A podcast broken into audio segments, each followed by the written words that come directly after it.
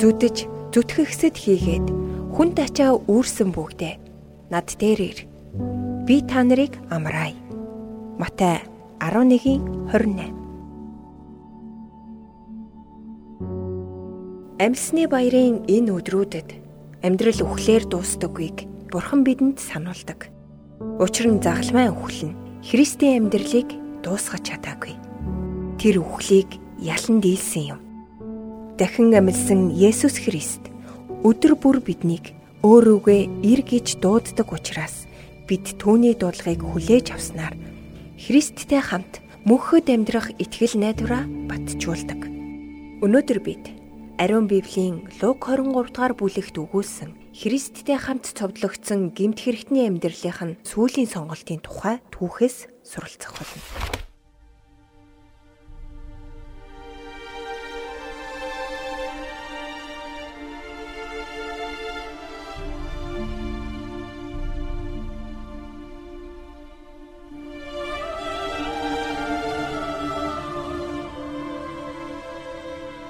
Түүнтэй хамт алхаар өөр хоёр гемт хэрэгтэнг авч явлаа. Тэд гавл химээх газар хурж ирээд тэнд түүнийг гемт хэрэгтнүүдийн хамт нэгийг нь баруун талд нь нөгөөг нь зүүн талд нь цовдлов. Есүс Ава тэднийг уучлаач. Учир нь тэд юу хийж байгаагаа мэдэхгүй байна. Гэв. Тэд шодоод түүний хувцсыг хуваан авчээ. Ард олон энэ бүхнийг ширтэн зогслоо. Захирагчид хүртэл түүнийг тохуурхан.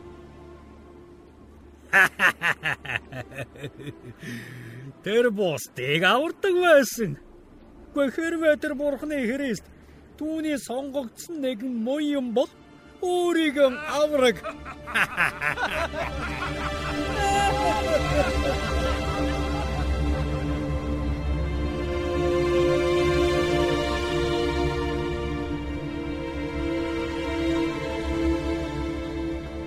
гэж байв. Сэргүүд хүртэл түүнийг дооглон дэрэгдэн нэрээд түүнд гашуун цуугч. Чи хой. Хэрвээ чи юудэчүүдийн хаа муу юм бол өөрийгөө авраад гэлээ.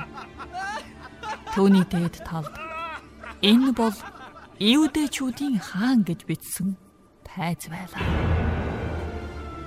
Тэнд өлгөгдсөн гемт хэрэгтнүүдийн нэг нь түүнийг доромжилж Таач нь Христ биш үү? Өөрийгөө бас биднийг авраач. Гэр. Харин нөгөө нь түүнийг зэмлэн чи адилхан ялдунсан атлаа. Бурханаас айхгүй байна уу? Бид үйлдсэн хэргийнхээ төлөө зохих хариуг л авсан. Харин энэ хүн ямар ч буруу юм үйлдээгүй шүү. Ингээд тэр Есүс та өөрийнхөө хаанчлалд ирэхдээ намайг санаарай. Гэв. Тэгтэл Есүс түнд Үннээр би чамд хэлье. Өнөөдөр чи надтай хамт Дэваачнд байх болно.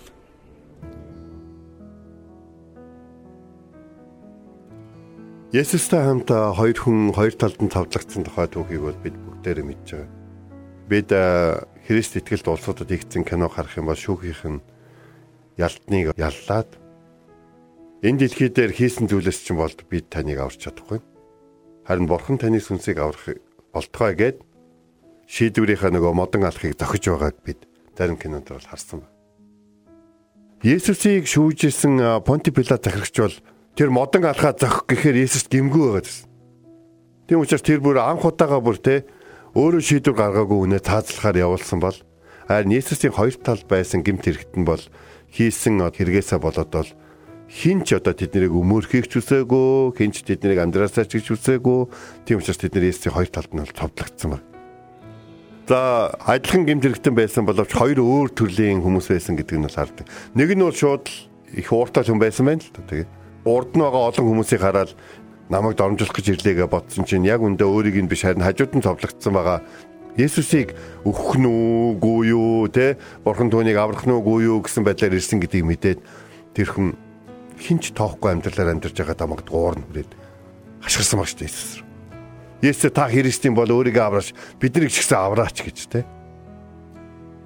Есүс тэр хүнд ямар ч хариулт хэлээгүй. Зарим хүмүүс өөрийнхөө буруу хідээж хүлэн зөвшөөрөхгүй тэр чигээрээ дуустав. А гэтэл нөгөө талд нь товлогдсон хүн бас хажуудаа байгаа хүнийг Есүс гэдгийг мэд. А гэхдээ тэр хүн нэг өөр зүйлээс чи бит хоёр адилхан ялдунсан гэж хэлж байна. Бид нарыг цовдлж энэ дэлхийгээс явуулахаас аргагүй тийм хүнд гэмтэрхийг бид нар хийсэн гэж нөгөө хоригдолтой хэлж байна. Дагалмуудаар цовдлогдсон хүн бол амьсгаа авах бол хэцүү болдог талаар бол ангаах юм бол тогтоосон байт юм лээ. Яг тэр хүнд хэцүү үедээ тэр Есүсийг гимгүү гэдгийг нотлсон байгаа юм өөрсдийгөө гим нүгэлтэй гэдгийг бол хүмүүсийн үнд гэрчилсэн. За тэгээд Есүс тандаж нэгэн итгэлийн гайхалтай өчлийг хийсэн бичигдсэн. Есүсээ та өөрийнхөө хаанчлалд намайг санаарай гэж хэлсэн.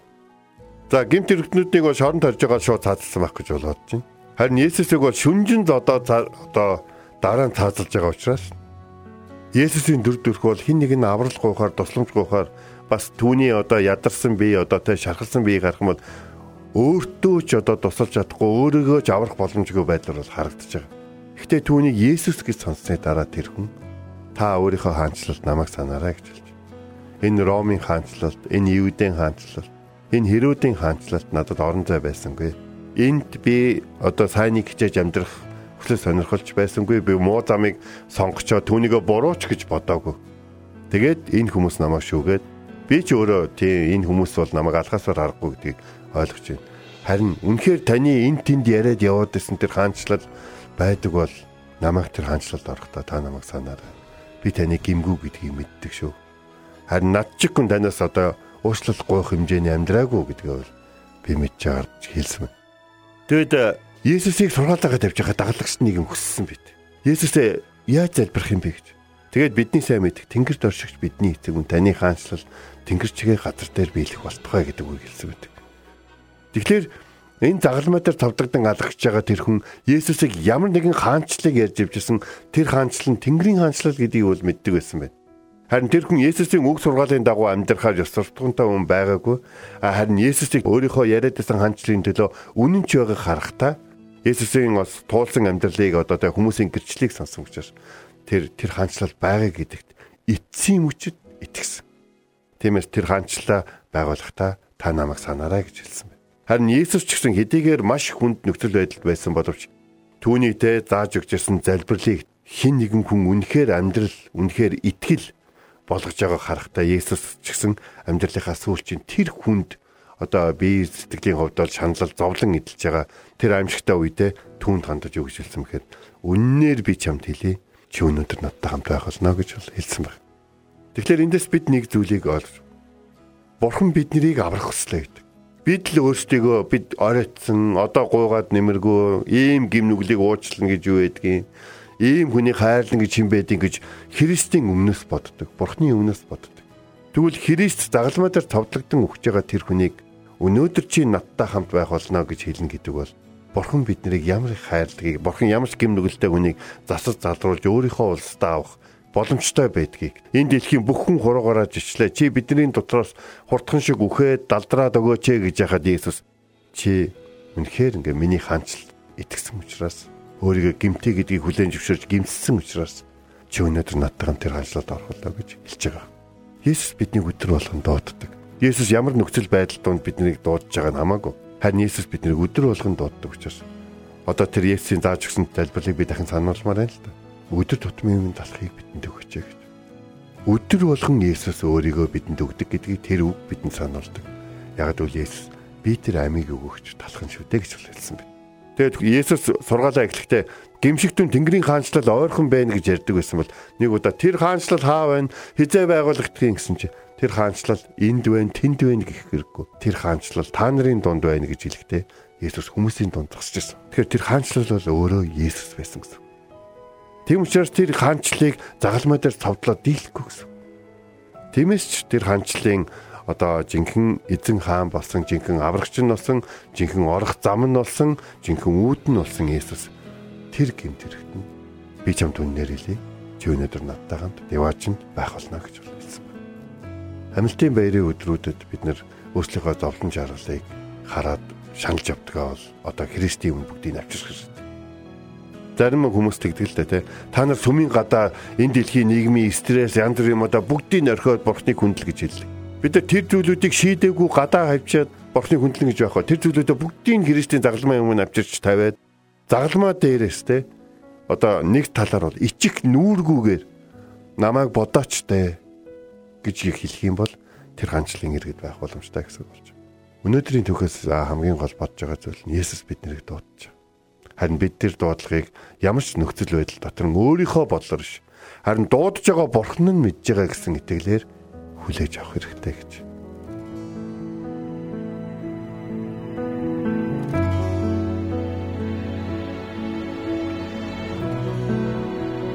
Есүс дуудаж байна.